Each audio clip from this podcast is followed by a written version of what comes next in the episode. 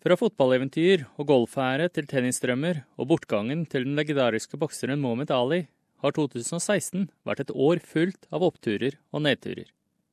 Vi tar en titt tilbake på noen av de idrettshendelsene som prydet overskriftene i andre halvår av 2016. Det tok tre forsøk, men en av de største i kvinnetennis fikk endelig lagt til en fantastisk rekord. Serena Williams tapte årets finaler i French og Australian Open, men på Wimbledon sikret hun seg sin 22. Grand Slam-triumf, og takkerer Steffi Graff på toppen av listen over de med flest Grand Slam-seire.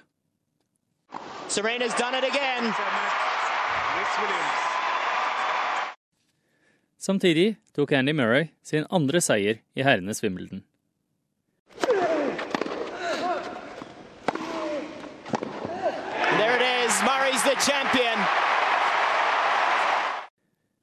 I fotball klarte Portugal det utenkelige å slå mesterskapsverten Frankrike i EM-finalen.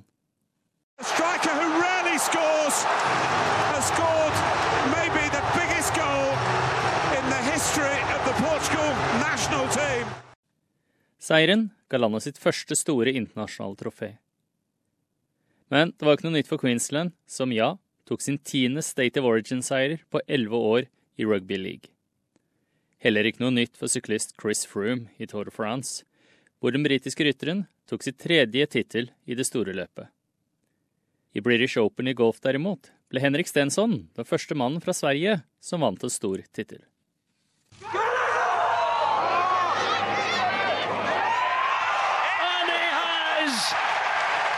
What a performance! A round of 63 with four birdies in the last five holes.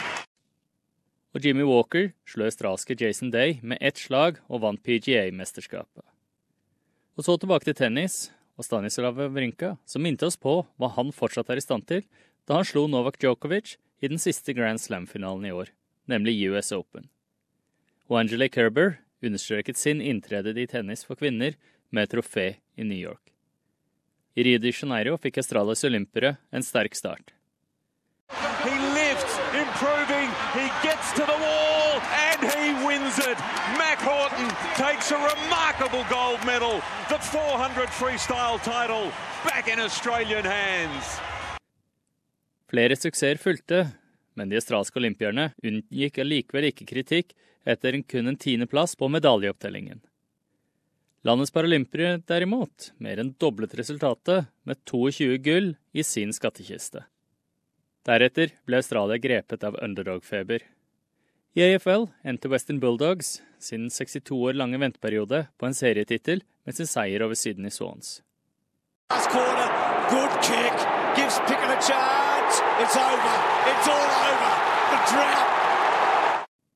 Og i NRL gledet Cronulla Sharks-fans seg etter sin aller første rugby league-mesterskapstittel idet Sharks beseiret Melbourne Storm.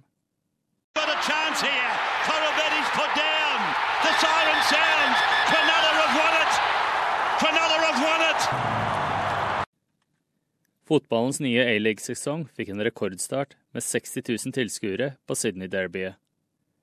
I hesteveddeløp, Melbourne Cup, etter 3200 meter, ble seieren kun sikret med en neselengde.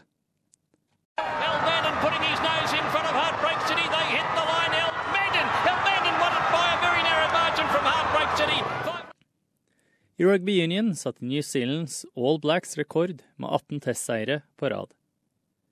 Det ble for bedre resultater for Wallabies på deres eh, vårtur, selv om de fortsatt skulle tape for Irland og England og gå glipp av den unnvikende Grand Slammen i denne idretten.